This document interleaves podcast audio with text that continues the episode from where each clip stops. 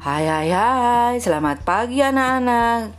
Hari ini Bunda akan menemani belajar dari rumah dengan membacakan dongeng pada buku tema halaman 96. Ingat, kita masih mempelajari tema 2. Ibu akan membacakan dongeng yang berjudul Kuda dan Keledai yang Syarat dengan Beban. Ibu harapkan setelah mendengarkan dongeng ini, kalian dapat mengambil pesan moral. Siap mendengarkan? Baiklah. Pernah ada seorang pria yang memelihara seekor kuda dan seekor keledai. Kebiasaan pria tersebut memuati keledainya dengan beban-beban yang berat. Keledai tersebut terhuyung-huyung karena beban yang terlalu berat. Sementara kuda berjalan dengan beban yang ringan. Pada suatu hari, mereka melakukan perjalanan bersama.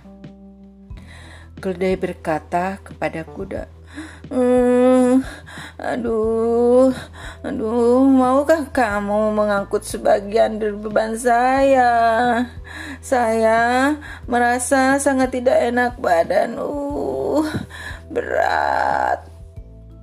Jika kamu mau membawa sebagian bebanku, mungkin saya akan cepat sembuh.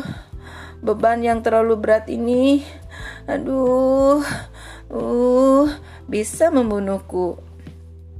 Kuda hanya menendang-nendangkan kakinya. Ia berkata kepada keledai agar tidak usah mengeluh. Ia tidak mau diganggu dengan kata-kata keluhan. Keledai pun terhuyung-huyung selama perjalanan setengah kilometer. Tiba-tiba ia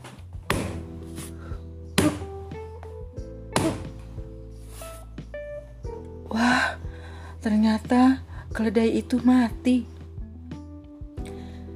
Si pemilik datang dan hanya bisa berpasrah dengan apa yang telah terjadi. Ia melepaskan beban dari keledai yang telah mati. Oh, keledaiku mati. Wah, aku berdosa padamu, keledai. Semua beban ditempatkan di atas punggung kuda. Hai kuda, sekarang kamu menggantikannya ya. Sini, punggungmu. Aku taruh beban-beban ini. Aduh. Keluh kuda saat ia dia merasakan beban berat. Beban bertambah dengan berat tubuh keledai yang telah mati.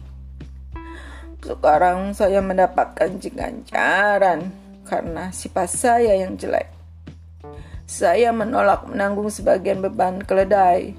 Sekarang saya harus membawa seluruh beban. Ditambah dengan berat tubuh teman saya yang malang ini. Nah, anak-anak, itu tadi kisah tentang kuda dan keledai yang syarat dengan beban.